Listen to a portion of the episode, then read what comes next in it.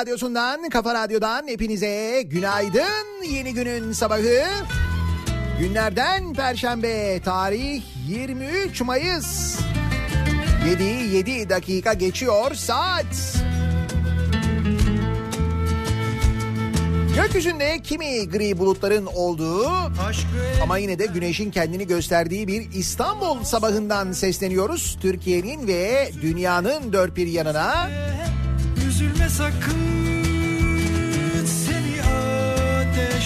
Gayet gerekçesiz bir sabaha başlıyoruz.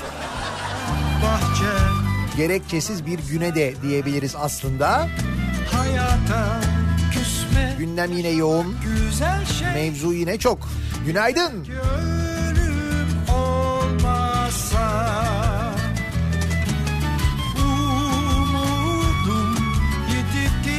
olsa da paranda pulu da bitmiş olsa da kader köşe itmiş olsa da üzülme sakın hayat güzel.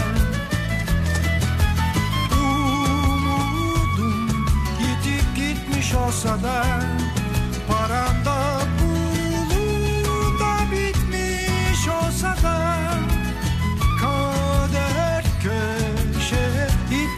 olsa da üzülme sakın. Hayat güzel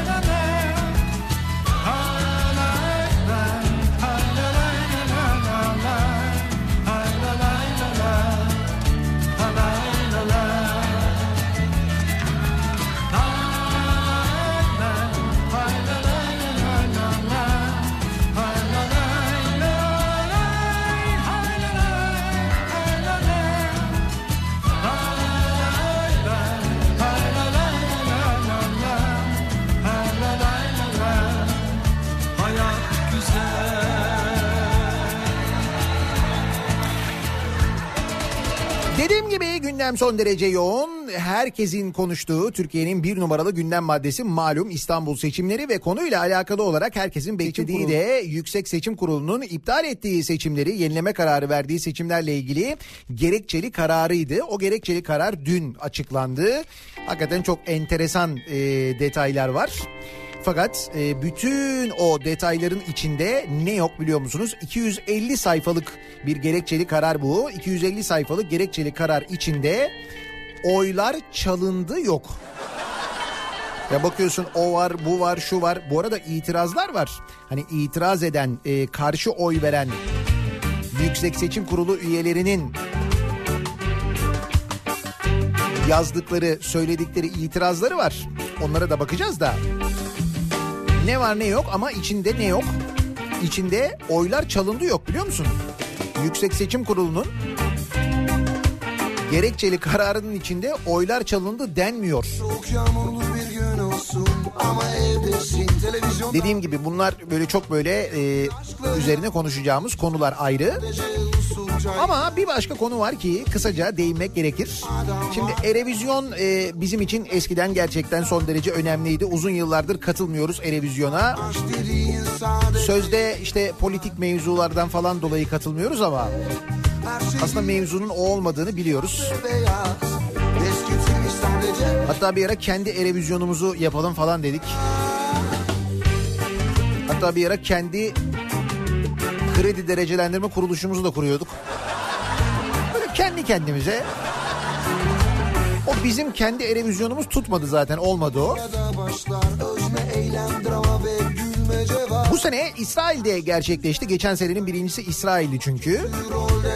Şimdi tabii İsrail'de gerçekleşince mevzu Filistin'e de geldi. Hani İşte kimi gruplar e, Filistin'e destek verdiler orada. Müzik grupları. Bir başka e, Erevizyon'un önemli hadisesi de Hollanda birinci oldu. Önümüzdeki sene Hollanda'da gerçekleşecek. Bilmiyorum önümüzdeki sene katılır mıyız? Ama bir başka önemli hadisesi Erevizyon'un Madonna'nın da aynı zamanda konuk sanatçı olarak çıkması bir şarkı seslendirmesiydi. Şimdi Madonna e, çıkınca ki biliyorsunuz bizim televizyonlarımızın e, özellikle sabah programlarının en büyük kabuslarından biridir Madonna. Kürk mantolu Madonna'dan başlar. Bu Madonna'ya kadar gelir. Bu sabah programlarından bir tanesinde bir televizyon kanalında Madonna'nın İsrail'de düzenlenen Erevizyon şarkı yarışmasında konuk olarak sahneye çıkması ile ilgili yorum yapılıyor. Sunucular kendi aralarında konuşuyorlar. Bunu yorumluyorlar sabah programında. Erevizyon şarkı yarışmasını konuşuyorlar, yorumluyorlar. Olabilir, yorumlarlar, konuşurlar. O da gündemdeki konulardan bir tanesi de. Magazin gündemi olarak da sayılabilir aslında. Mantıklı.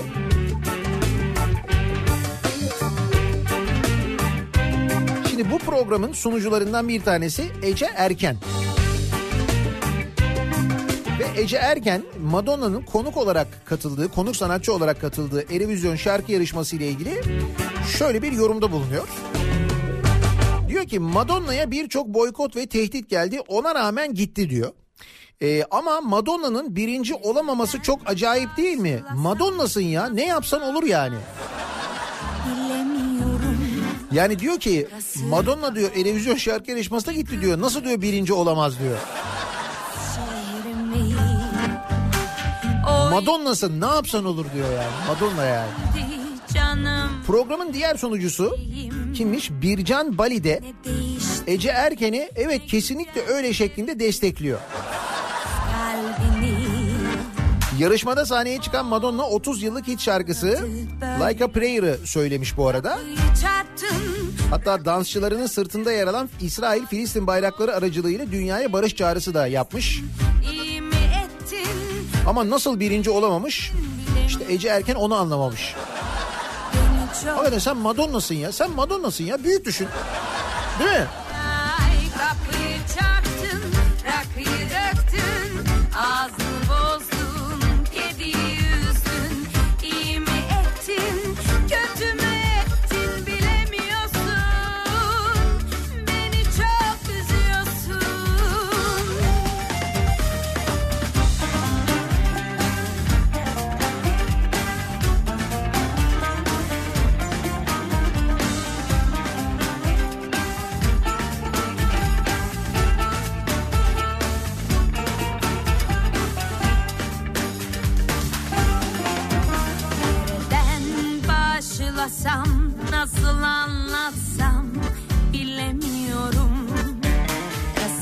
başka oldun. Yıkıp geçtin ıssız şehrimi. O ilk günler ne güzeldi canım gülüm bebeğim. Ne değişti ne gücendirdi hassas kalbini. Olmadı böyle. Kapıyı çarptın rakıyı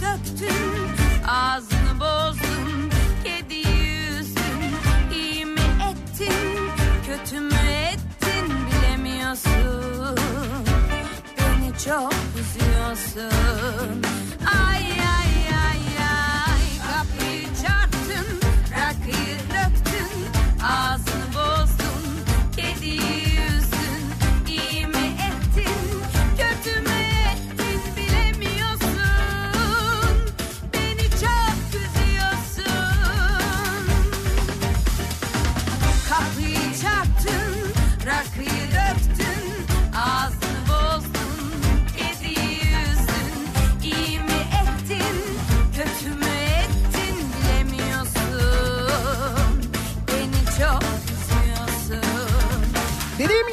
Gündem son derece yoğun. Ancak döktün, gerekçeli karar mevzu bütün gündem maddelerin önüne geçer gibi görünüyor. Çünkü dünden beri işte ben de bakıyorum 250 sayfa. Bu 250 sayfanın büyük bölümü yalnız şeyden e, bu işte kısıtlı seçmen listelerinden kaynaklanıyor. Öyle bir durumda var. Ama tabii herkesin aklında olan bir takım sorular var. Bu sorulara da aslına bakarsanız yanıtlar var bu 250 sayfanın içinde. İşte hangi sandıklar, bu sandıklarda ne olmuş? Bir kere oy çalındı diye bir ibare yok. Ama bununla ilgili de bir gerekçe var. Yani oy çalındı denmezmiş zaten. Ne denirmiş? Yani şöyle aslında özeti gerekçeli kararın içinde gerekçe yok. Öyle bir sıkıntı var yani.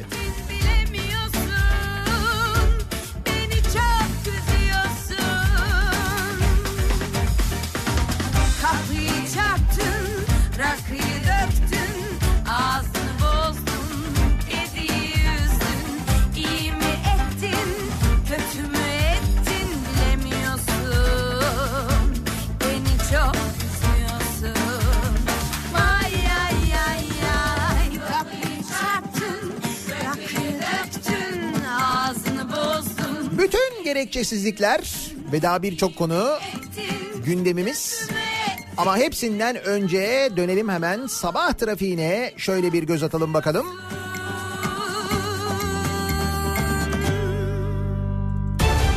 Kafa Radyo Yol Durumu.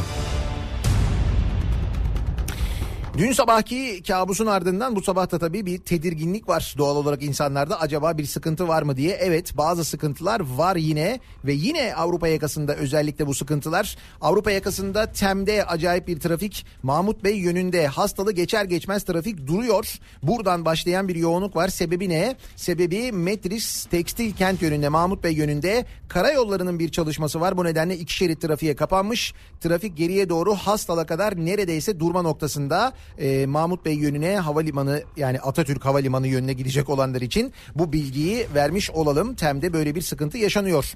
Diğer taraftan Tem'in Bahçeşehir Mahmut Bey yönünde ise e, Isparta Kuleyi geçtikten sonra Altınşehir'e kadar devam eden bir miktar yoğunluk var. E, o bölgede de bu yoğunluk aslına bakarsanız normal değil ama şu anda var öyle bir yoğunluk. O noktayı geçtikten sonra Tem trafiğinin köprüye kadar açık olduğunu görüyoruz. E5'i kullanacak olanlar içinse Beylikdüzü Topkapı yönünde avcılar girişinden itibaren başlayan bir yoğunluk olduğunu görüyoruz. Bunun sebebi de Küçükçekmece Florya yönünde arıza yapan bir araç. Bu sebeple geriye doğru o bölgede de trafik yoğunluğu oluşmuş vaziyette. Sonrasında E5 trafiğinde köprüye kadar herhangi bir sıkıntı yok.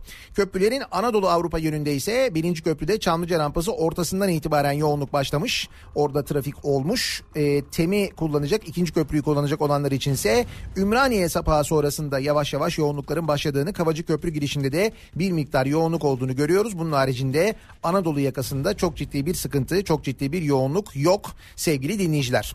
Bir ara verelim. Reklamların ardından yeniden buradayız.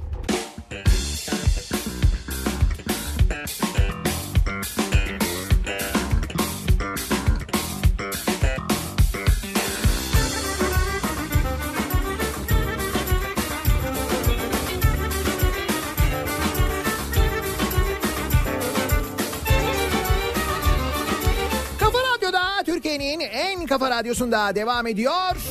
Daiki'nin sunduğu Nihat'la muhabbet. Ben Nihat Sırdar'la.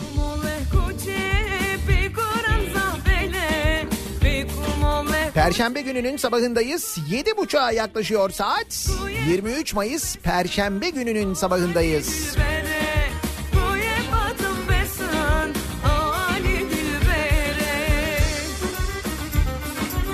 Bakalım bugünün dolandırıcılık yöntemi hangisi? Mutlaka vardır yeni bir yöntem değil mi? Her gün değişik fakat farkındasınız değil mi? Her gün başka bir yöntem. Her gün başka bir çeşit. Bu konudaki azim ve inovasyon gerçekten takdire şayan değil mi sizce de? Sahte vize siteleriyle ayda 1 milyon 200 bin lira vurgun yapan çete çökertildi. Ayda 1 milyon 200 bin lira temiz para. Ayda 1 200. 110 kişilik çete. Adam başı ne kadar düşüyor?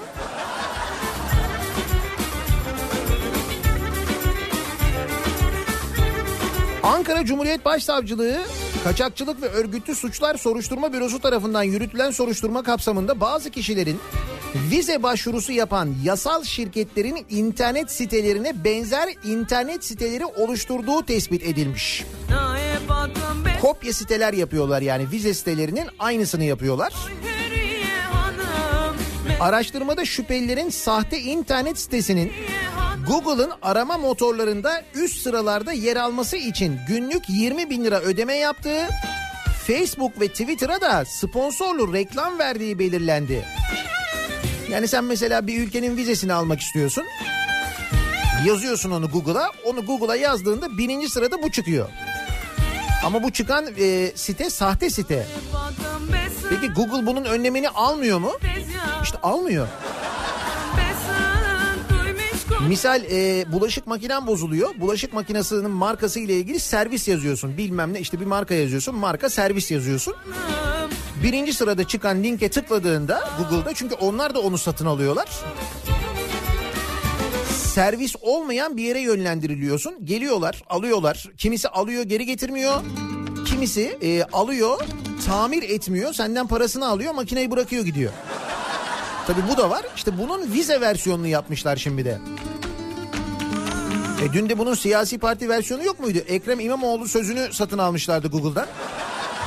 Ekrem İmamoğlu yazıyorsun orada şey yazıyor. Oylar nasıl çalındı? Birinci sırada o çıkıyordu ya. Ne yapsak Cenker biz de mi Google'dan bir şey satın alsak acaba ya?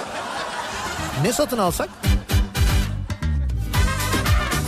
Soruşturma genişletilince şüphelilerin sahte sitelere giriş yaparak çağrı merkezi numarasını arayan vatandaşlardan vize başvurusu için randevu alınacağını belirtip para talep ettiği, böylelikle bir vurguna imza attığı ortaya çıkmış.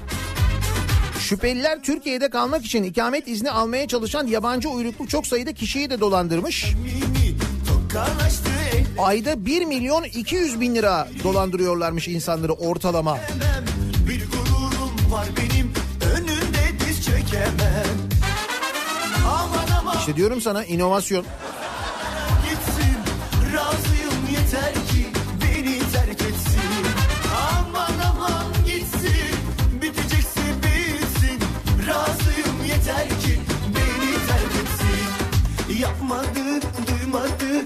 Hiç oralı olmadı. Onu çok sevdiğimi bir türlü anlamadı. Dün sabah yayın sırasında gelen bir haber vardı. Daha doğrusu bir sosyal medya paylaşımı aslında. Serdar Kuzuloğlu dün İstanbul Ankara uçağına biniyor İstanbul Havalimanı'ndan. Sabah saatlerinde ve akşam saatlerinde genelde bu uçuşlar birleştirilip büyük uçaklarla yapılıyor Türk Hava Yolları tarafından. Zaten Ankara'ya bildiğim kadarıyla yeni meydandan da sadece Türk Hava Yolları uçabiliyor. Atatürk Havalimanı'ndan da öyleydi. Ankara uçuşlarını sadece Türk Hava Yolları yapıyor. O da niye belli değil. Niye diğer havayolu şirketleri Ankara'ya yeni meydandan İstanbul Havalimanı'ndan ya da Atatürk Havalimanı'ndan uçamazlar? Neden neden yani? Neyse dün işte o büyük uçaklardan bir tanesi 777 Boeing 777 Türk Hava Yolları filosundaki en büyük uçak. Ee, ben görüntülerini de seyrettim. Şöyle bir şey oluyor. Ee, uçak körükten ayrılıyor pushback aracıyla.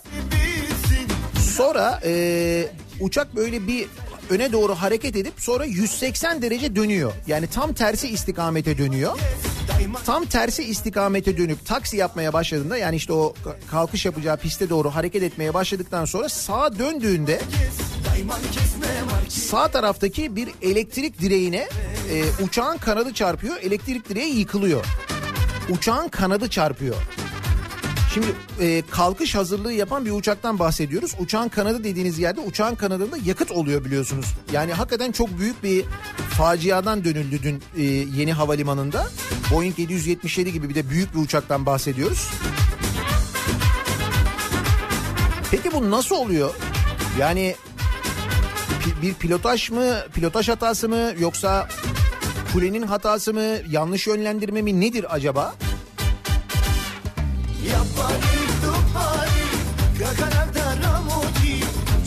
Kazanın uçağın kule tarafından boyutuna uygun olmayan bir taksi yoluna yönlendirildiği yorumu yapılmış mesela. T24'de konuşan kaynaklar böyle demişler. İsmini vermek istemeyen bir pilot T24'de yaptığı açıklamada taksi yollarının uçak tiplerine göre ayrıldığını belirterek kaza geçiren Boeing 777-300 Türk Hava Yolları filosundaki en büyük uçaklardan olmasına rağmen kule 180 derece dönüp diğer taksi yoluna geçin demiş. Hakikaten de 180 derece dönüyor. Uçak olduğu yerde dönüyor bayağı böyle. Ancak yeni yola sığmamış. Kule operatörü uçağın tipini bilmiyormuş demiş. Bir pilotun yorumu bu.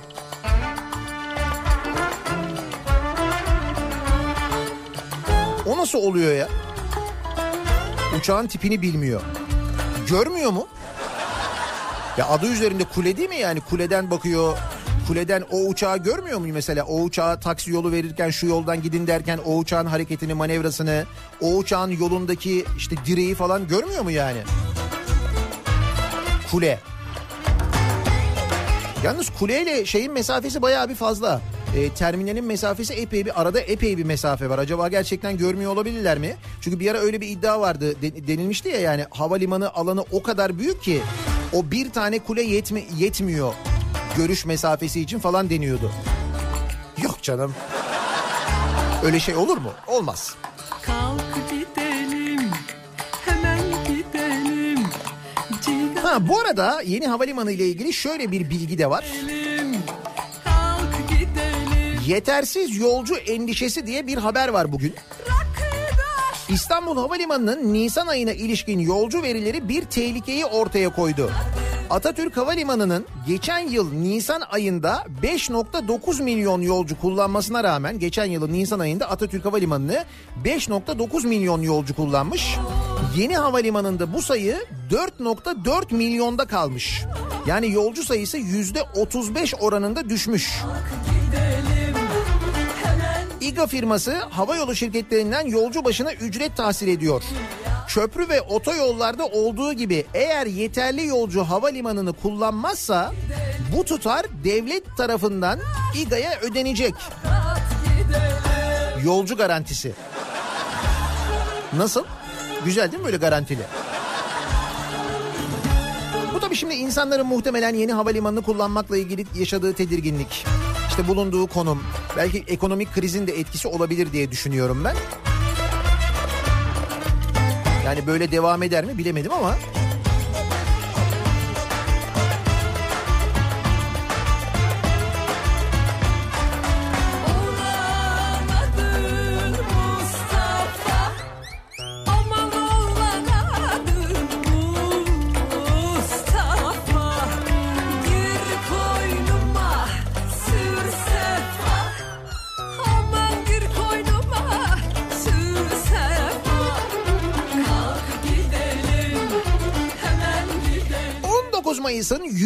yılındayız. 19 Mayıs 1919 milli mücadelenin başlayışının 100. yılındayız biz değil mi? 100. yıl. Samsun'dan gittik yayınlar yaptık. 100. yılın ve 19 Mayıs'ın e, aslında Samsun'un ne kadar önemli olduğunu anlattık. Atatürk'ün Samsun'a ayak basışı, Samsun'a gelişi, oradan Havza'ya geçişi, Samsun'un hayatındaki önemi, Samsun'a çıkışının. Bu nedenle doğum gününü soranlara benim doğum günüm 19 Mayıs'tır öyle kabul edin deyişi. 19 Mayıs 1938'de bayram olarak kabul edilmezden önce de 19 Mayıs'ların Samsun'da Gazi Günü olarak kutlanması. Bunlardan bahsetmiştik, anlatmıştık değil mi? Nagihan bilmez bunları. Neyse 19 Mayıs deyince aklınıza ne gelir? 19 Mayıs deyince insan aklına ne gelir ya? Türkiye'de 19 Mayıs dediğin vakit aklına ne gelir? Atatürk gelir değil mi? Atatürk Samsun'a çıkıyor. 19 Mayıs o yüzden 19 Mayıs. O yüzden 19 Mayıs önemli değil mi? Mustafa Kemal'in Samsun'a çıkışı 19 Mayıs. İşte bu 19 Mayıs için 19 Mayıs'ın 100. yılı için sevgili dinleyiciler Darphane Darphane Müdürlüğü hatıra parası basmış. Ve e, darphanenin bastığı hatıra parasında 19 Mayıs'ın 100. yılı için bastığı hatıra parasında Atatürk e, Atatürk'ün resmi yok. 19 Mayıs hatıra parasında Atatürk'ün resmi yok. Nasıl? Hazine Bakanlığı'na bağlı Darphane Müdürlüğü Ulu Önder Atatürk'ün 19 Mayıs 1919'da Samsun'a çıkışının 100. yılı yıl dönümü için hatıra madeni para basmış. 20 lira nominal değerli parada büyük bir vefasızlık dikkat çekmiş. O da Atatürk'ün resminin parada olmaması. Hatıra parada bir tek bandırma vapuru var. Oysa 19 Mayıs'ın yıl dönümü için 1999'da bastırılan parada Atatürk'ün resmi ve bandırma vapuru 2009'da bastırılanda ise Atatürk'ün silüeti de varmış. Birine aşık oldum 19 Mayıs'ın 100. yılında Atatürk'ün Samsun'a çıkışının 100. yılında basılan hatıra parasında Atatürk'ün resmi yok. Annem sakın yapma dedi Güldüm yüzüne Nasıl güzel değil mi? Dedim Bu fikirden dolayı bu parayı tasarlayan arkadaşları kutluyoruz. Tebrik ediyoruz. Günün anlam ve önemini en uygun parayı basmışsınız yani. Bravo.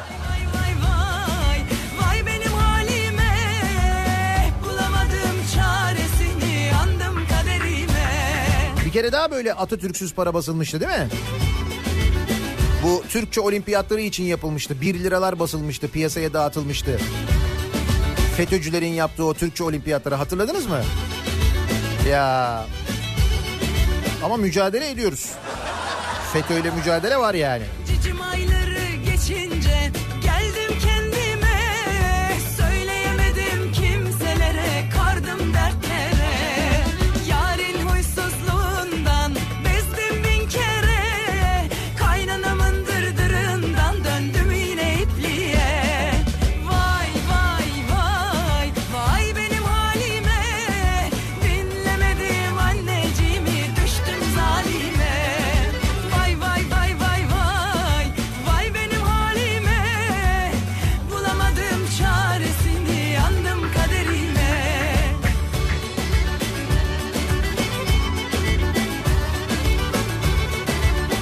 Parsel parsel dosyası açıldı.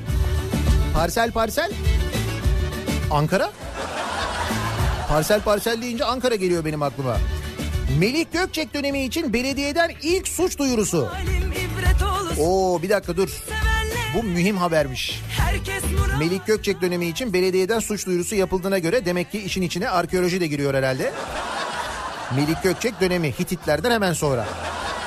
O kadar uzun ki. Ankara Belediyesi'ne bağlı Ankara Altın Park İşletmeleri Limited Şirketi ANFA diye geçiyormuş.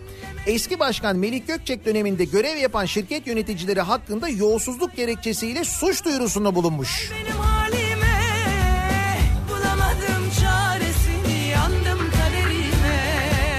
İşte seçimleri başkaları kazandığı vakit böyle oluyor. İşte böyle olmasın diye zaten İstanbul böyle oluyor. Dur İstanbul'a geleceğiz.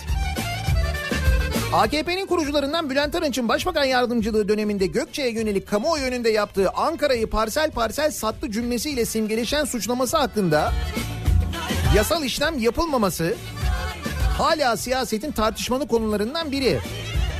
Ancak Ankara'da ilk hamle e, belediye şirketi Anfa'dan geldi. Anfa avukatları eski Refah Partili milletvekili Hasan Hüseyin Ceylan'a Anfa tarafından kiralanan 20 dönümlük arazi ile ilgili savcılığa suç duyurusunda bulundu. Dilekçede şu bilgilere yer verildi. Hasan Hüseyin Ceylan Altındağ ilçesindeki Karacaören mahallesindeki 20 dönümlük boş araziyi Anfa Altın Park İşletmeleri Limited şirketine 10 yıllığına kiralamış. Hasan Hüseyin Ceylan 20 dönümlük araziyi belediye şirketine kiralıyor.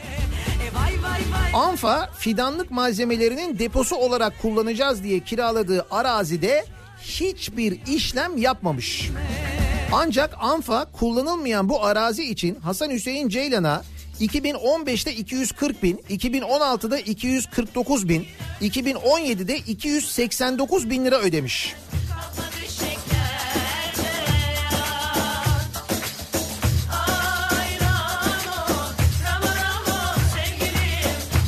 2017'de Melik Gökçek taca çıkınca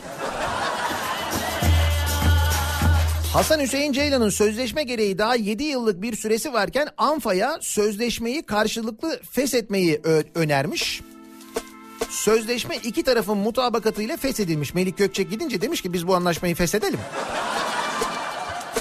Müfettişlerin söz konusu kiralama işlemi hakkında başlatılan soruşturma kapsamında rapor yazmasının ardından ANFA'nın avukatları dönemin ANFA Genel Müdürü Ramazan Aslan, yardımcısı Mesut Yaman, işletmeler müdürü Muhammed Akgün ve Hasan Hüseyin Ceylan'la birlikte Ceylan'ın ANFA'da tesisler müdürü olarak görev yapan yeğeni Enes Erçoban hakkında suç duyurusunda bulunmuş.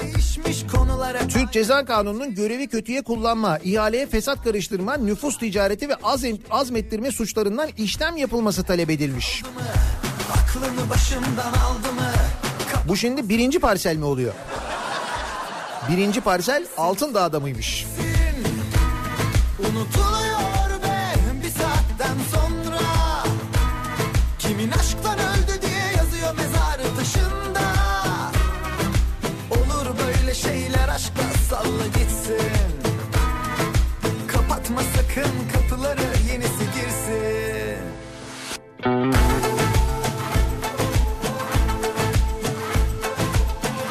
Karabük'ten bir haber var.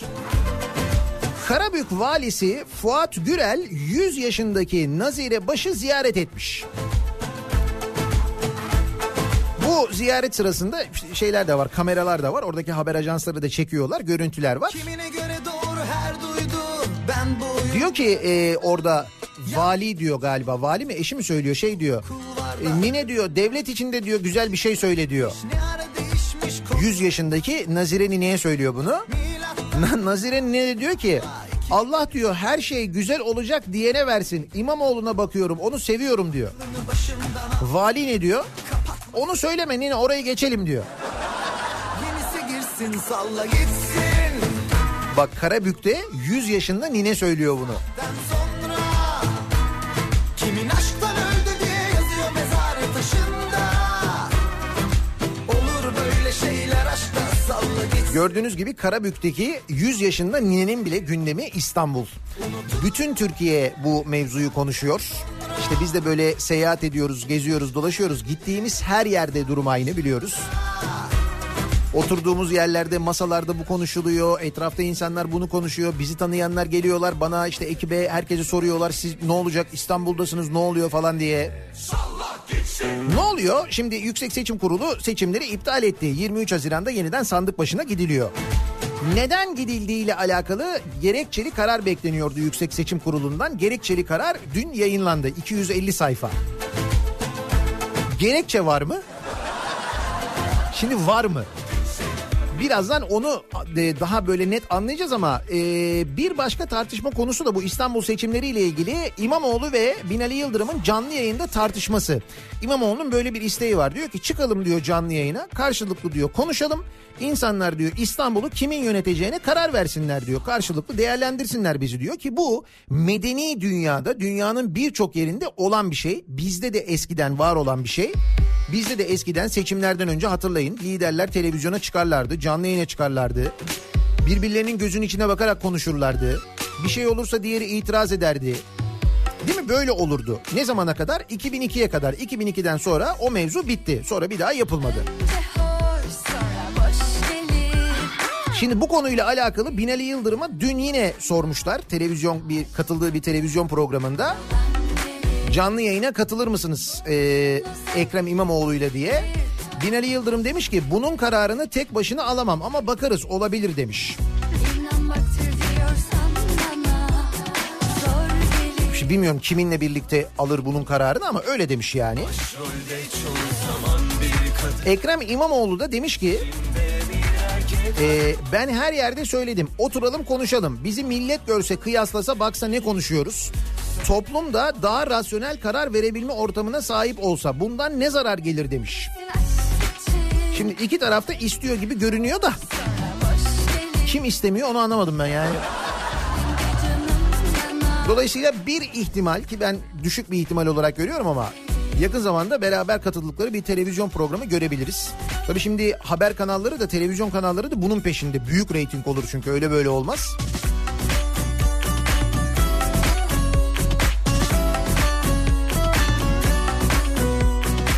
Yeniden gerekçeli karara.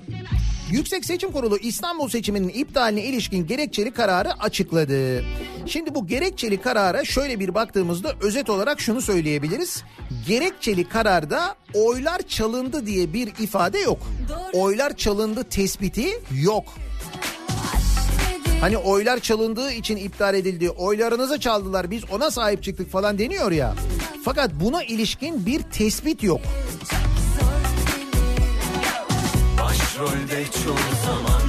Peki ne var? Şimdi bu gerekçeli karara baktığınızda incelediğinizde e, karara karşı çıkan üyelerin e, muhalefet şerhlerini de görüyorsunuz. E, işte mesela Yüksek Seçim Kurulu Başkanı da muhalefet eden üyeler arasında bu arada. E, bu YSK'nın 11 üyesinden 7'sinin iptal 4'ünün de iptale gerek yok kararı verdiğini biliyorduk zaten. İptal etmeye gerek yok diyen 4 üyenin muhalefet şerhi de gerekçeli karar içerisinde yayınlandı. Mesela üyelerden Cengiz Topaktaş'ın muhalefet gerekçesinde gerekçesindeki şu ifadeler önemli. Diyor ki Yüksek Seçim Kurulu üyesi seçmenlerin sandık kurulunun oluşumuna itiraz etmeleri ve sandık kurulunun nasıl oluşturulduğunu bilmeleri mümkün değildir. Seçmenler anayasa gereğince kendilerine tanınan seçme hakkını kullanarak oy vermişlerdir.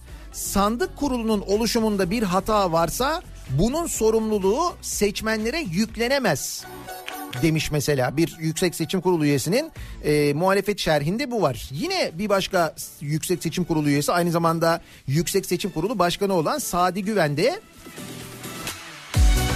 e, seçimlerin iptaline karşı oy kullanmış. O da demiş ki maddi hataların giderilerek seçsise işlendiğini, 39 ilçede geçersiz oyların yeniden sayıldığını, savcılık soruşturması açılmış olmasının iptali gerektirmeyeceğini, kamu çalışanı olmadığı halde sandık başkanı olarak görev yapan 754 kişinin görev yaptığı sandıkların 750 tanesinde AKP'li üyenin görev yapmış olduğunu anlatmış. Muhalefet şerhinde e, Sadi Güven sandık kurulu başkanlarının usulsüz oluşturulmasının da tam kanunsuzluk halini oluşturmayacağını vurgulamış ve daha önce verilen Mustafa Kemal Paşa kararını göstermiş. Emsal kararlar var çünkü. Hayatın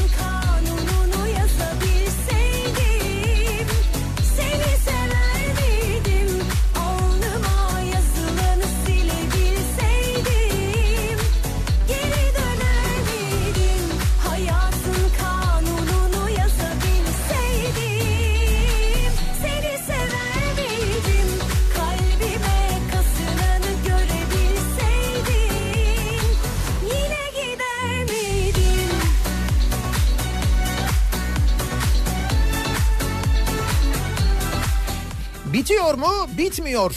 Herkesin merak ettiği sonuç. YSK'nın Yüksek Seçim Kurulu'nun iptale gerekçe yaptığı 108 sandık. Bakın bu da önemli.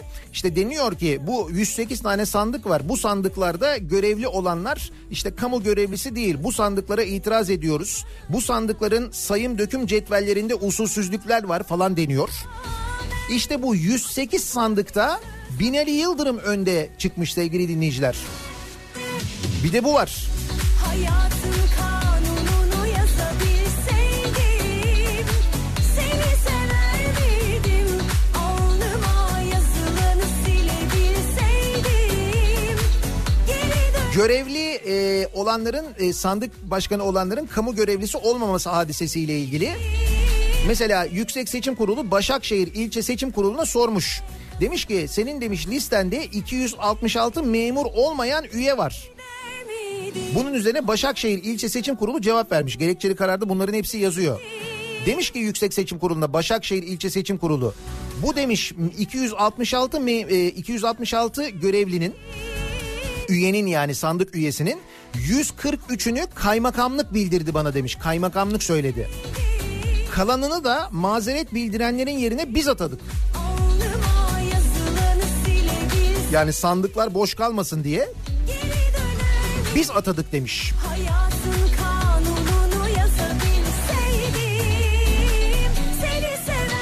Yani Yüksek Seçim Kurulu'nun e, bu yayınladığı gerekçeli kararı neresinden tutsanız ama gerçekten de neresinden tutsanız elinizde kalıyor. Gerekçe yok hakikaten de. Yani gerekçelerin hepsi aslında e, kararı okuduğunuz zaman kendi kendini çürütüyor. Kaldı ki muhalefet eden üyelerin muhalefet şerhlerini okuduğunuzda da aslında ya o kadar sağlam bir şekilde karar çürüyor ki? Ve bir daha söylüyorum e, kararın içinde çalınma diye bir şey yok. Öyle bir şey geçmiyor. Miydin? Yani gerekçeli kararda gerekçe yok ya. Bayağı yandı bizim oylar yani. Yine gider miydin? Yine gider miydi? Gideceğiz tabii ki gideceğiz kullanacağız ayrı da. Yine gideceğiz yani. Madem Yüksek Seçim Kurulu'nun bir gerekçesi yok. O zaman biz de dinleyicilerimize soralım gerekçeyi değil mi? Benim gerekçem olsun mu bu sabahın konusu?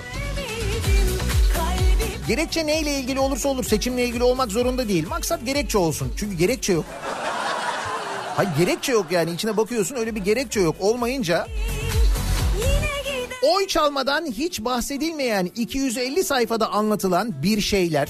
Yani tam da böyle biliyor musunuz? Hani hiçbir şey olmasa bile bir şeyler oldu tadında bir e, gerekçeli karar, açıklanan karar. Tam tam da öyle yani. Tarif tam da böyle yapılabilir. hayatın İşte bu bir şeyler sizi tatmin etmediyse eğer kendi gerekçenizi yazabilir misiniz diye soruyoruz dinleyicilerimize. Benim gerekçem olsun bu sabahın konusu. Sosyal medya üzerinden yazabilirsiniz. Twitter'da böyle bir konu başlığımız, bir tabelamız, bir hashtagimiz an itibariyle mevcut. Benim gerekçem başlığıyla yazabilirsiniz Twitter'dan. Facebook sayfamız Nihat Sırdar fanlar ve canlar sayfası buradan yazabilirsiniz. niyatetniyatsırdar.com elektronik posta adresimiz. Bir de WhatsApp hattımız var. 0532 172 kafa. Yani 0532 172 52 32 buradan da yazabilirsiniz aynı zamanda. Reklamlardan sonra yeniden buradayız. Kafa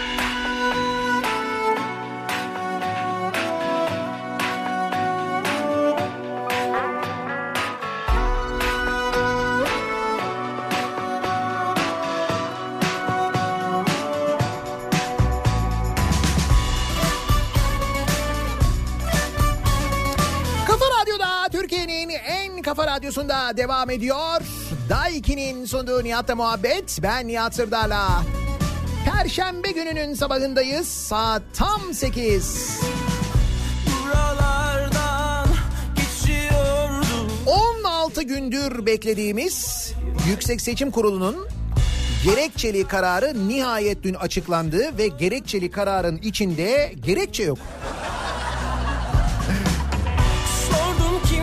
Şimdi dolayısıyla biz de benim gerekçem başlığıyla bu sabah konuşuyoruz. Dinleyicilerimizin bir gerekçesi var mı acaba? Ki ben onların gerekçelerinin çok daha mantıklı olacağını düşünüyorum. Hatta şöyle diyorum. Yürüyorum sana doğru Görüyorsan bana doğru Gel birazcık sola doğru Seviyorsan bana doğru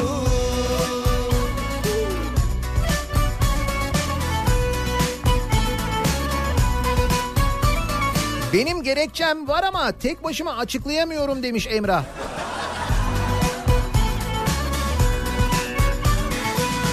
Sevgilim sen şarabi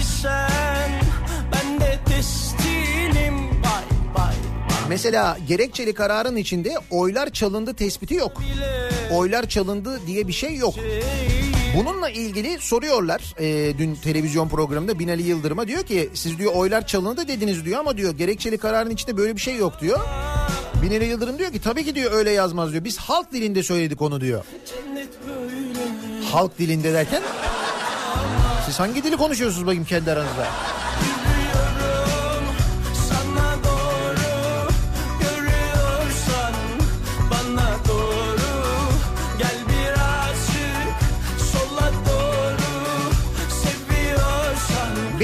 Gerekçem okçuların paraya ihtiyacı olması.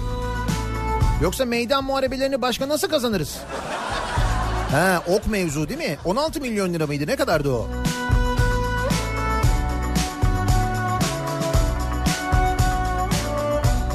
Benim gerekçem diyor Özlem. O seçmenlerin o saatte ne işi varmış? Bak mesela bu da yazılabilirdi gerekçeli karara. Güzel. sana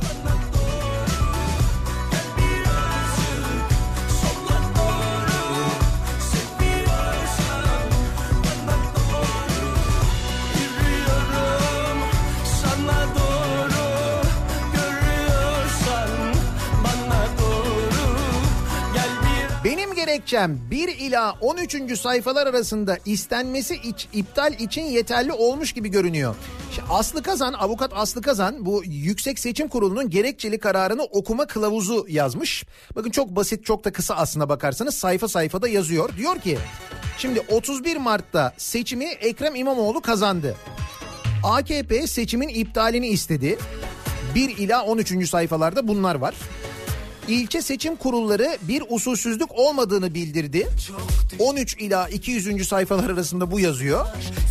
Biz 7 üye başkanlığı gasp ediyoruz. 200 ila 212. sayfa arasında bunlar yazıyor.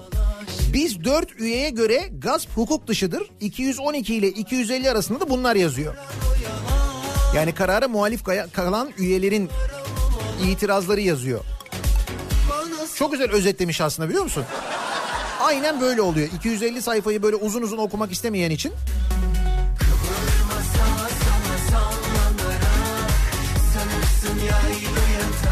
Yaylı yatak yani. Net. Benim gerekçem yaylı yatak mesela.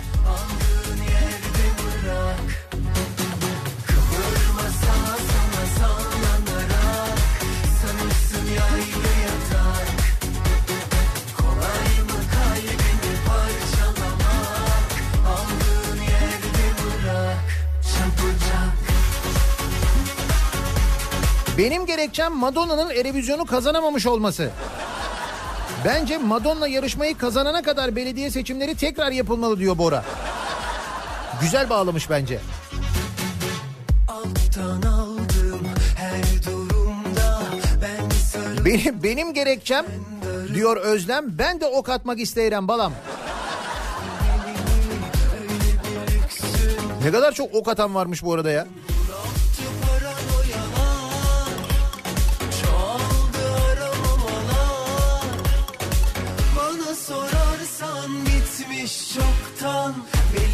Buraya kadar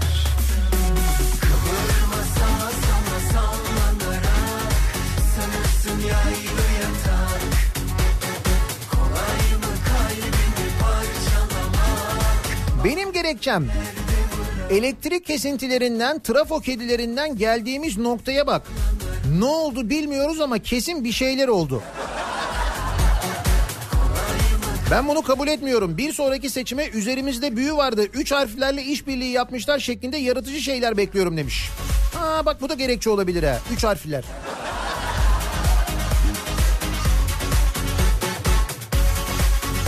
Benim gerekçem senin gerekçeni döver. Diyor Murat. Bu da bir gerekçe olabilir.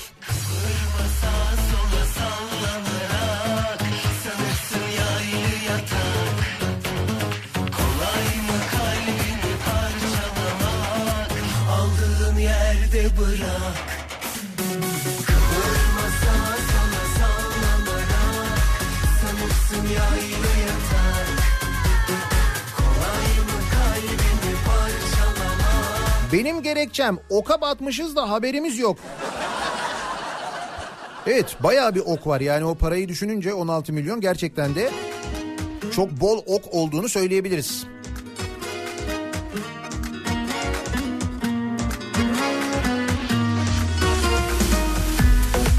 Benim gerekçem şaşkınlığım. Yanlış sandıklara itiraz etmişim ya.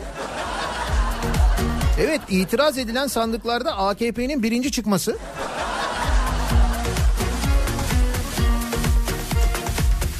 Eser bir yer saçlarına vurur Tarifi imkansızım savrulur Bir o yana bir bu Benim gerekçem seçmen de o kadar açık giyinmeseydi. Olur mu bir sonraki e, itirazda bu? Olabilir.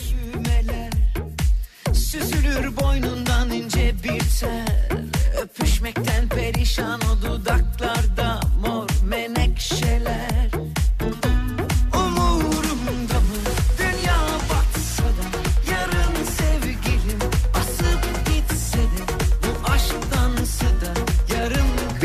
Gerekçem vakıflar, cemaatler, yandaşlar, şahıslar aç kalmasınlar ya diyor Mersin'den Burak.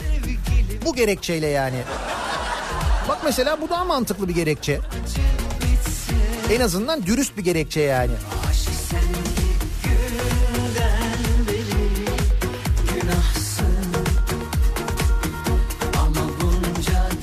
Benim gerekçem doymadım daha biraz daha yemem lazım. Halk dilinde yazıyorum. Aslında ben bu sabah halk dilinde yazalım konuşalım diyecektim de sonra e, yani neler geleceğini 3 aşağı 5 yukarı tam güzel şeyler gelir de yayında okuyabilir miyim diye endişe ettim. Ayrıca bence gerekçe daha önemli bir şey ya şu anda gerekçe.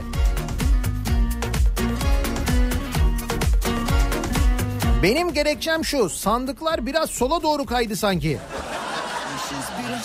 Evet bu sandıkların e, konuldukları masanın eğimini ve masanın dingildeyip dingildememesini de önlemek lazım. Bu da seçmenin oyu üzerinde etkili olabilir. Buna itiraz edildi mi mesela? Bence buna da itiraz edilmeliydi. Niye o sandığa böyle oyu koy- koyarken ben o sandık böyle dingil dingil sallandı sola doğru? Niye yani?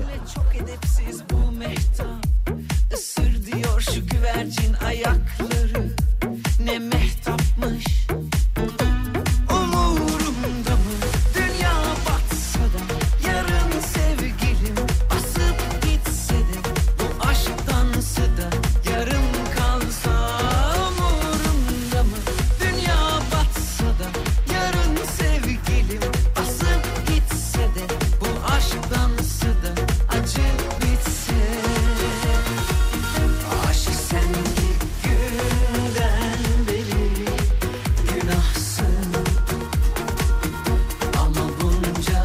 gerekçem daha çok seçmen garantisi vermiştik ancak o garantiyi karşılayamadık.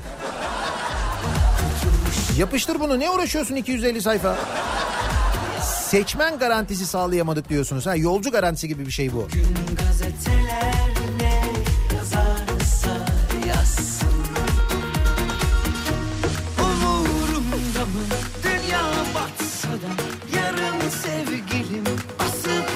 Şimdi diyor ki Gökhan arkadaşlarla gece dışarı çıkalım mı diye konuştuğumuzda ben hemen cevap veremem. Benim gerekçem çünkü gece dışarı çıkabilmek için tek başıma karar veremem. Eşimin uygun görmesi önemli. E tabii canım. Umurumda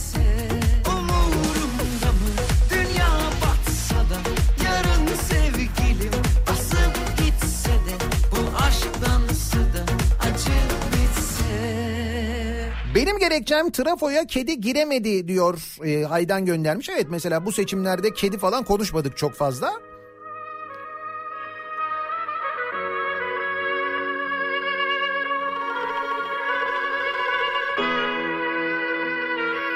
Benim gerekçem gönül belediyeciliği kazanmalı. Yaşasın amatör ruh.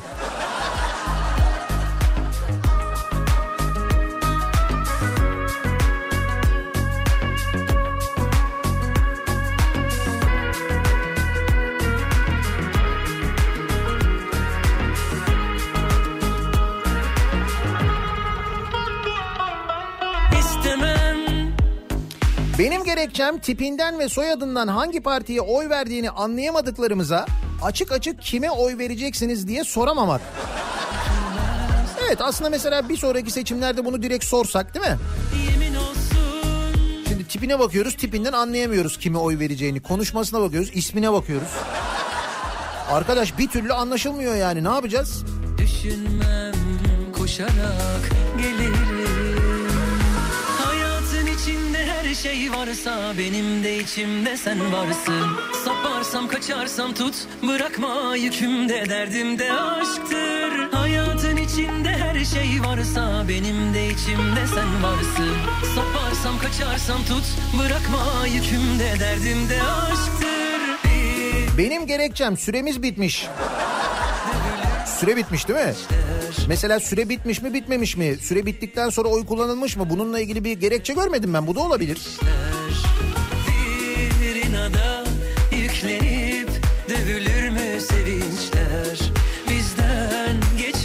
Benim gerekçem Una Momento Söke Çimento ya da Alekta Muvik Muvik.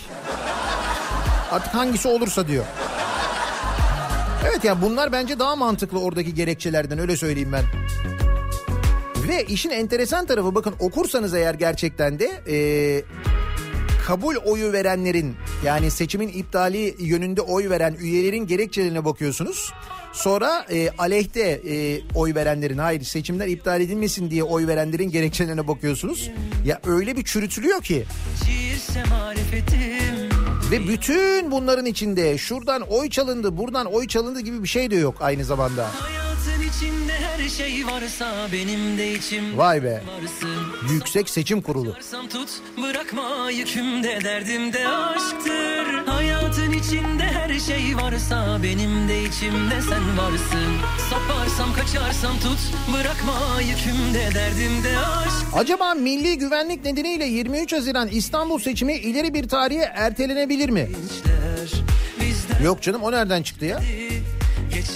Benim gerekçem Amerika iki hafta süre verdi.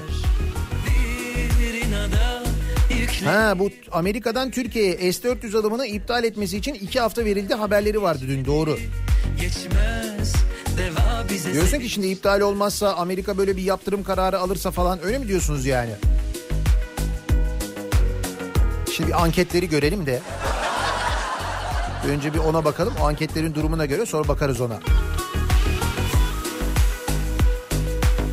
Halk dilinde dolar euro yine coşmuş. Ne olmuş? Euro 6.84 olmuş. Dolar 6.13 olmuş. Yine hangi ara oldu? Bir ara altının altına düşmüştü. Biz de çok mutlu olmuştuk. Altının altına düştüğü için. Dolar. Mutlu olduğumuz şeye bak. 6 ile çarpıyoruz. Özellikle Euro bölgesi ülkelerine gittiğiniz zaman eee, işte neyin fiyatı varsa onu 7 ile çarpıyorsunuz ya. İşte daha yeni İspanya'daydık. Çok acı bir şey çok.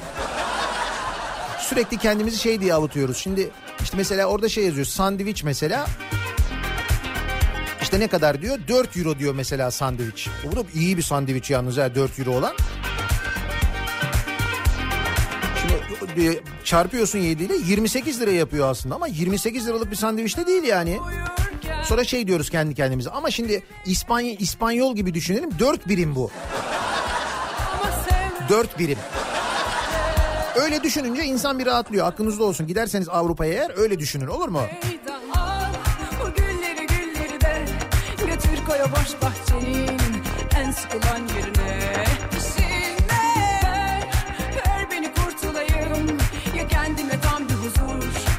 Serserinin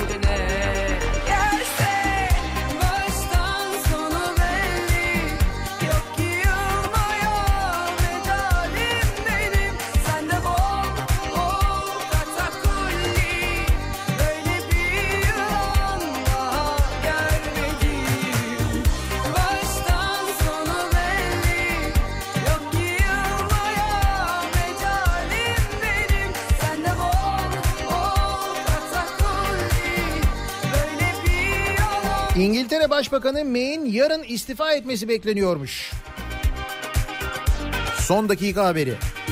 Ya durun zaten ortalık karışık. Benim gerekçem İngiltere Başbakanı istifa etti. Nasıl gerekçe? Bence sağlam. Hem İngiliz de aynı zamanda.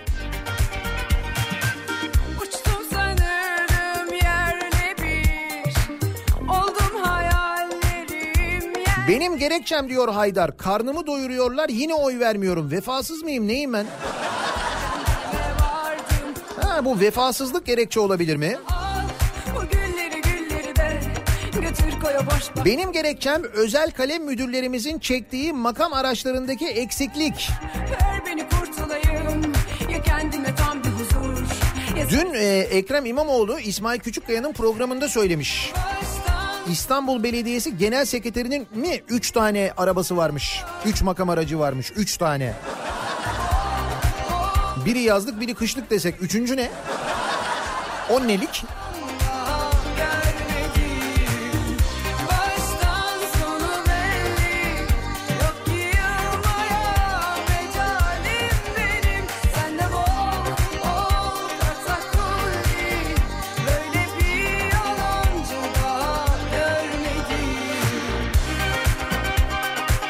Gerekçem bu sefer de ben saymıyorum. Hadi bakalım.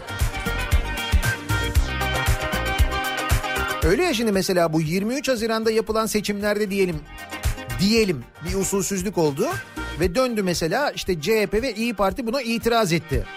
Sizce itiraz süreci bu kadar uzun sürer mi? Kabul görür mü acaba değil mi?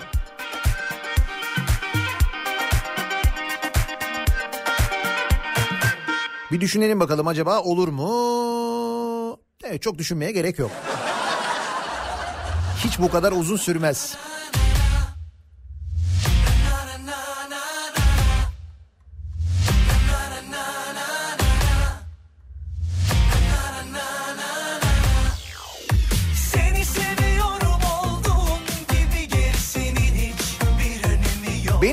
Gerekçem oy kullanma kabinlerinde neden perde kullanılıyor? Her şey şeffaf olmalı. Arka tarafta ne yapıldığını bilemiyoruz. Ha, bak bu gerekçe olabilir bir sonraki içine. Gizli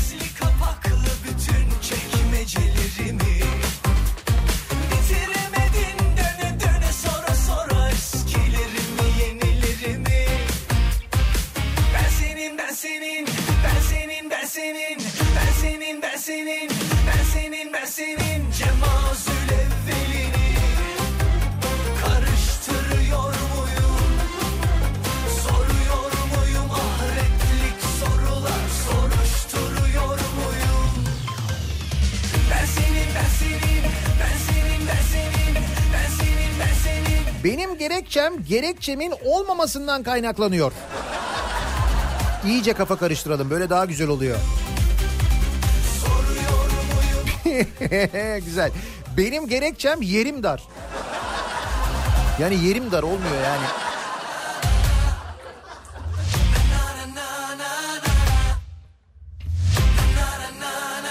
Yüksek Seçim Kurulu'nun gerekçeli kararının o kadar etkisinde kaldım ki rüyamda seçim vardı ve ben oy veremedim.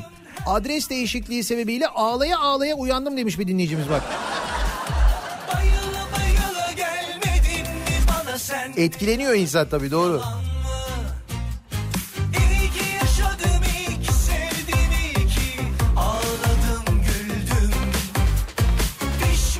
Benim gerekçem kazanacağımı sanıp kazanamamak. Ama sen kazanamayınca tekrar edilecek diye bir şey yok. Öyle değil. Yani seçim öyle bir şey değil. Onun mantığı öyle değil.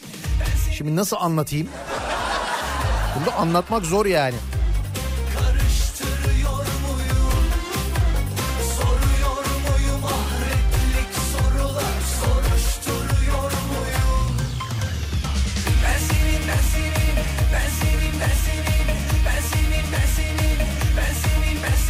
Nihat abi gerekçe acaba Anadolu Ajansı'nın veri girişi sağlayamayıp Yüksek Seçim Kurulu'nun Anadolu Ajansı'nın müşterisi olma talebinde bulunmuş olup Anadolu Ajansı'nın tamam demesi bir de Anadolu Ajansı var değil mi bu seçimlerde yine çekeceğimiz bir Anadolu Ajansı var.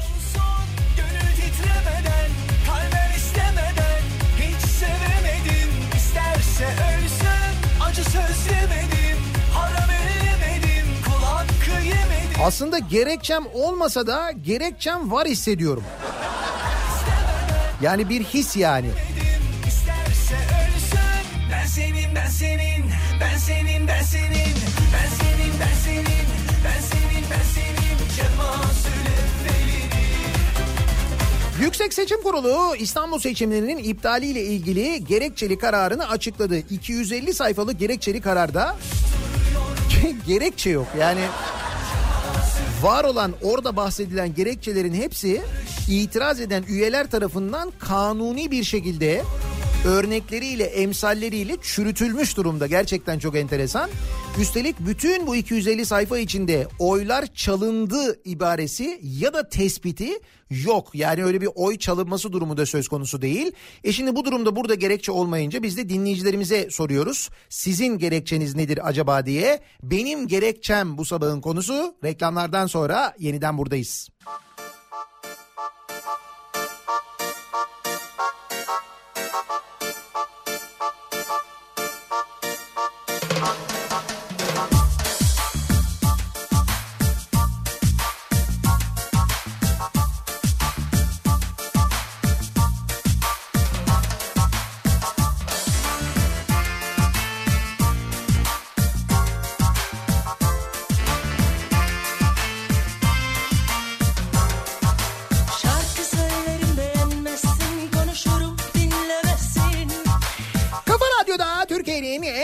Radyosunda devam ediyor. Daiki'nin sunduğu Nihat'la muhabbet. Ben Nihat Sırdar'la Perşembe gününün sabahındayız. Benim gerekçem bu sabahın konusu Yüksek Seçim Kurulu gerekçeli kararını dün açıklayınca ve içinde gerekçe olmayınca oylar çalındı diye bir şey de olmayınca yani öyle bir tespit öyle bir karar da yok. Gerekçeniz nedir acaba diye biz de dinleyicilerimize soruyoruz. Gerekçem olmasa da kesin bir gerekçem var demiş mesela Güven. Değil mi? Kesin yani bir şey var ama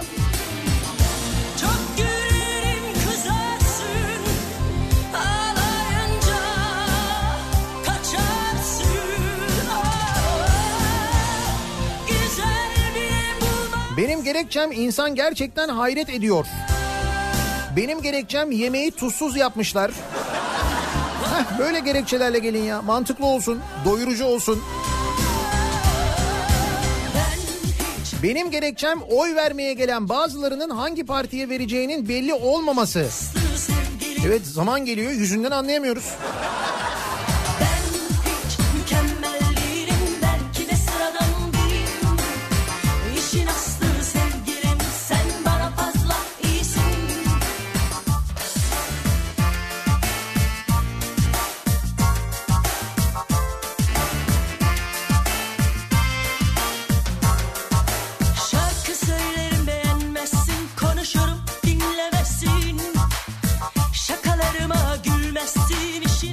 Gerekçem gerek görmedikçe gerekçe göstermeyi gerek görmüyorum.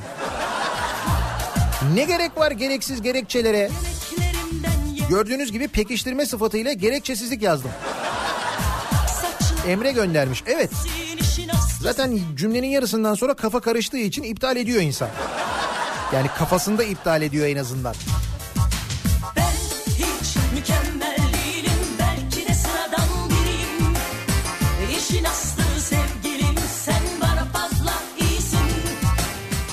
Gerekçem sandığımda büyük hissediyorum. Acaba öyle mi yapsak mesela? Acuna mı yaptırsak seçimi? He?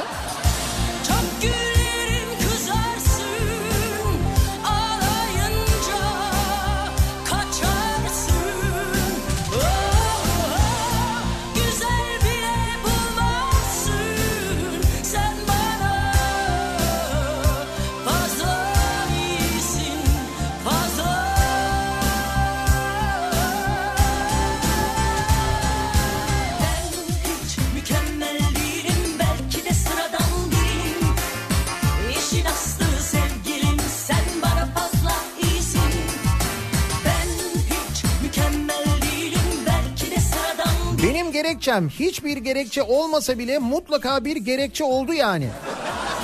Aynen öyle olmuş biliyor musun? O hissiyatlar falan bayağı bildiğin gerekçe olmuş yani. İşin aslı sevgilim sen bana fazla iyisin Ben hiç mükemmel değilim Benim gerekçem mazbatayı çaldılar. O kadar mı ya gerçekten? O yazmıyor ama ona baktım ben onu. Benim gerekçem Ekrem ismi 5 harfli.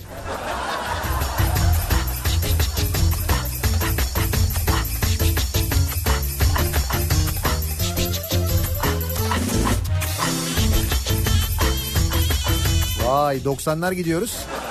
He? Ha bak bu arada 90'lar demişken 6 Temmuz'da İstanbul'da yine bir 90'lar gecesi yapıyoruz. Daha çok vakit var ama ben yine de söyleyeyim açık havada olacak artık 6 Temmuz havalar da ısınıyor. Maslak'ta Unique İstanbul'da açık havada yapacağız bu sefer haberiniz olsun. Ben söyleyeyim şimdi hani siz not alın da. Rüzgarına kapılıp ah döndüm benden günah Ayrıca İzmir'de, Antalya'da, Ankara'da yapma konusunda da çalışmalarımız sürüyor.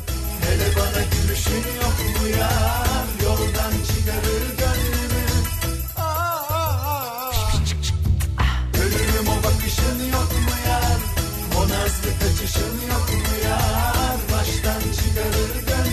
Benim gerekçem her iki kola kapağından birinde bir litre bedava var dedikleri halde ikisi de tekrar deneyiniz çıkıyor.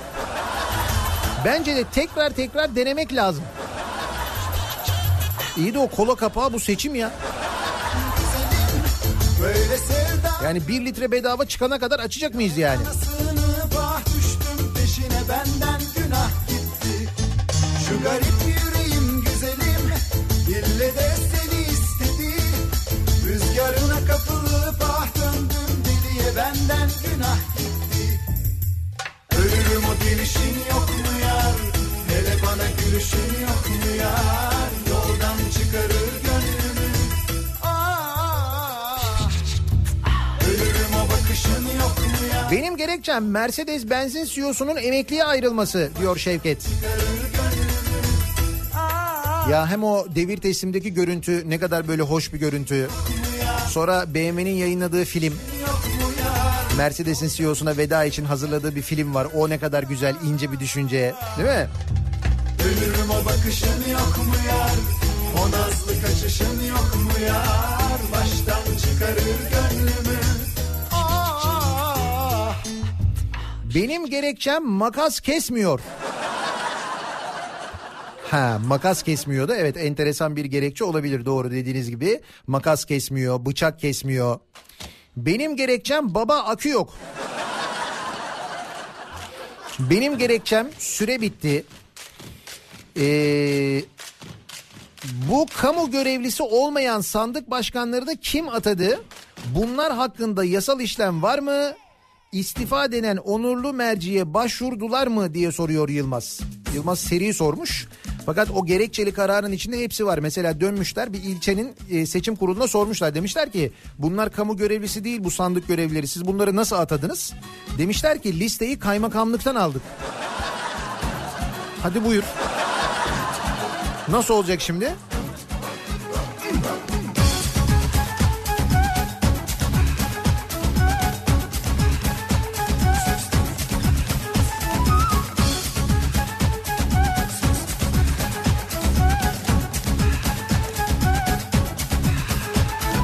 Benim gerekçem hep Yeliz'in yüzünden.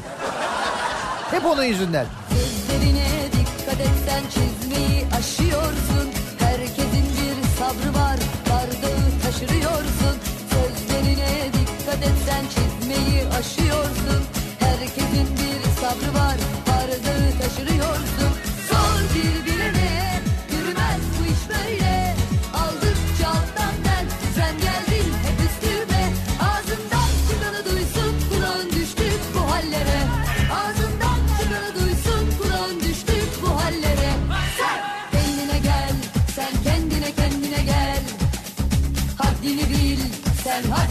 haddini bil Kendine gel sen kendine kendine gel Ya günlerdir gerekçe arıyorum. Yormayın beni öyle kabul ediverin gitsin işte. Tabii 16 gün olunca aslında evet böyle oluyor değil mi?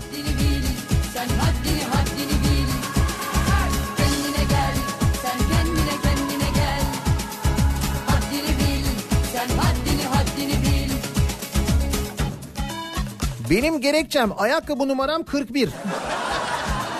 Benim gerekçem arabanın benzini bitti. Bak bunlar da gerekçe olabilir aslında.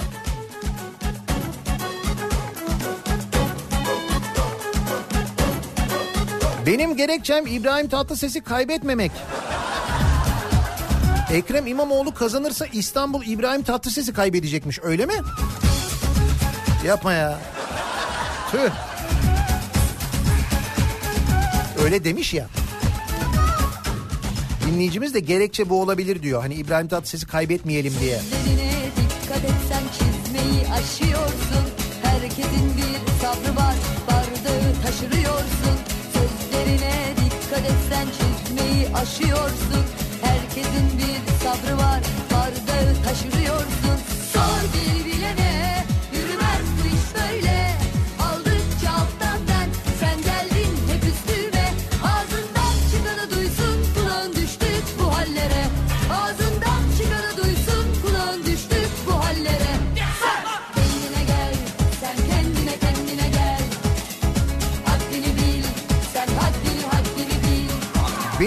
gerekçem oyların sayılıyor olması hatta oy veriyor olmamız. Yani ne gerek var? Değil mi? Dikkat et sözlerine sen çizmeyi aşıyorsun. Herkesin bir sabrı var, bardağı taşırıyorsun. Sor bir bilene, yürümez bu iş böyle. Aldıkça Hiçbir gerekçe yoksa bile bir gerekçe vardır.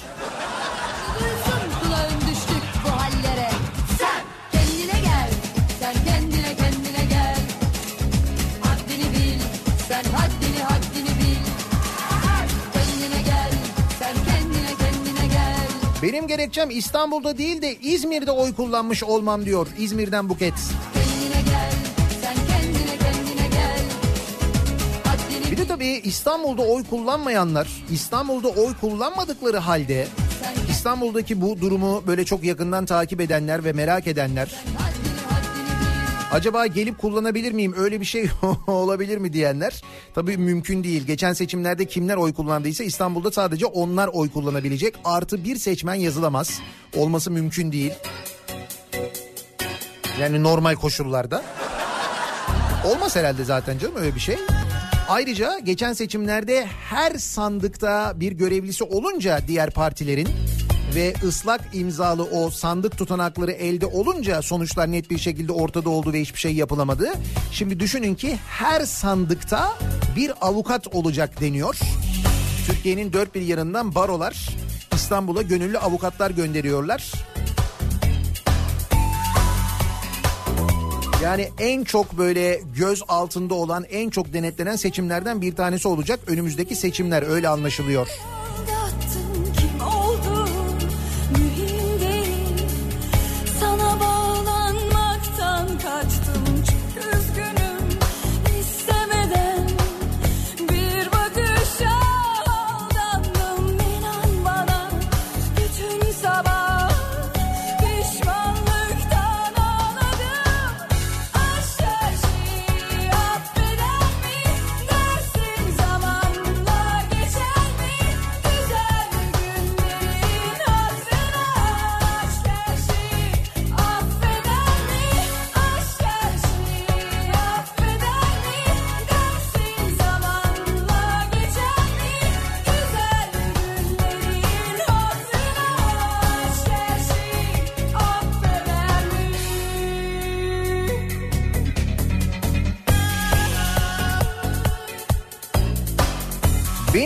Gerekçem Ata alan Üskü Ata alanın Üsküdar'ı geçmesi lazım 23 Haziran'da. Yoksa saymam.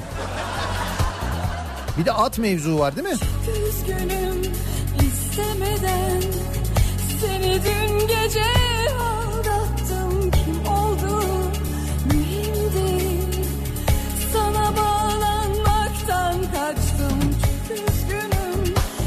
bizim programımızın ardından Kripto Odası'nda Güçlü Mete ve Candaş Tolga Işık'ın konuğu Milli Eğitim Bakanı Ziya Selçuk olacak sevgili dinleyiciler.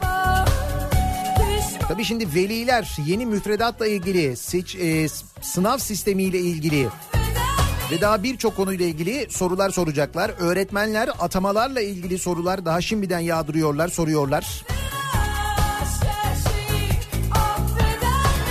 Sorularınızı Güçlü Mete'nin ve Candaş Tolga Işık'ın Twitter hesabı üzerinden sorabilirsiniz. Şimdiden hatırlatalım. Milli Eğitim Bakanı Kripto Odası'nda olacak. birazdan haberiniz olsun. Aşk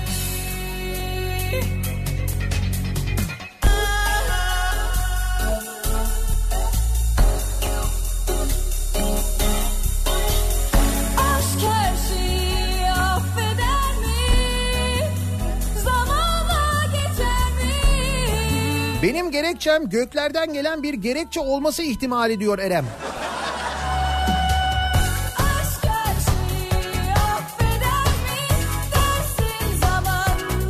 Gerekçe. Çıkarın aradan bir E harfini ne oluyor? Grekçe. Ha, şimdi gördünüz mü büyük oyunu işte bak.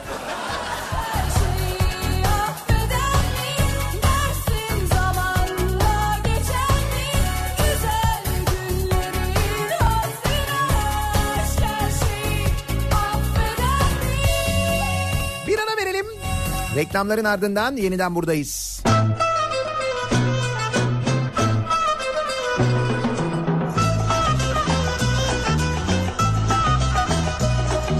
Hey gidi koca dünya gam yükümüzü Söyle söyle fani dünya dert gübümüzü Dünya handır han içinde yaşar o ruh can içinde. Rüya gibi gelir geçer insanoğlu gam içinde Dertli ağlar dertsiz ağlar dünya içinde. Dertli ağlar dertsiz ağlar dünya içinde. Hey gidi koca dünya gam yükümüzü. Söyle söyle fani dünya dert gübümüzü Hey gidi koca dünya gam yükümüzü. Söyle söyle fani dünya dert gübümüzü Kafa Radyo'da Türkiye'nin en kafa radyosunda devam ediyor. Daha 2'nin sunduğu Nihat'la muhabbet. Ben Nihat Sırdar'la. Benim gerekçemdi bu sabahın konusu. Bence bugünün konusu da bu olur. Yüksek Seçim Kurulu'nun dün açıkladığı gerekçeli karar. O gerekçeli karar içinde gerekçe olmaması, oylar çalındığı tespitinin kararının olmaması. Fakat buna rağmen kimi e, yazarların tabii yandaş yazarların gerekçeli karar içinde bulunan AKP iddialarını tespitmiş gibi sosyal medya üzerinden paylaşmaya çalışması ve rezil olmaları şu anda o da yaşanıyor sosyal medyada. Bunlar bugün gündemde olur konuşulur. Ama birazdan Kripto Odası başlayacak. Güçlü Mete ve Candaş Tolga Işık Söyle söyle Milli Eğitim Bakanı Ziya Selçuk'u konuk edecekler. Eğitimle ilgili merak edilen çok şey var. Veliler merak ediyorlar, öğrenciler merak ediyorlar, öğretmenler merak ediyorlar. İşte bütün bu soruların yanıtları birazdan Kripto Odası'nda olacak. Bu akşam 18 haberlerinden sonra eve dönüş yolunda Sivrisinek'le birlikte ben yeniden bu mikrofondayım. Tekrar görüşünceye dek güzel bir gün geçirmenizi diliyorum. Hoşçakalın.